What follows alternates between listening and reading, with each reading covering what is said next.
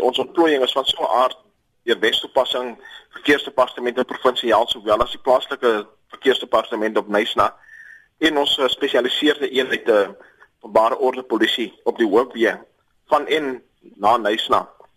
Daar is geen hoegenaamd geen bewyse wat dit staaf nie en ek dink iemand is besig om ons willige boodskappe te versprei wat meer paniek saai en dit is onnodig in hierdie geval omdat ons al reeds uh, ons uh, hulpmiddels en hulpbronne soveel gebruik het en uh, na die beste van ons vermoë probeer aanwend en dit belemmer net ons taak om dinge weer reg te ruk in Nysna.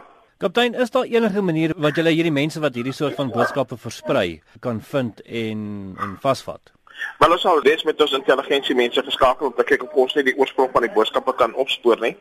Dit is wel moeilik om te doen op hierdie stadium, maar ons versoek maar die persone wat sosiale media administreer om hierdie boodskappe nie op sosiale media soos uh, Facebook en ander mediums te versprei nie. Dit saai onnodige paniek en dit is kwaadwillig. Kaptein op 'n effe ander noot, ons het vroeër gehoor dat daar berigte was dat uh, sommige mense die leeuhuise beroof en plunder en so voort. Is daar sulke gevalle gewees en is daardie situasie onder beheer?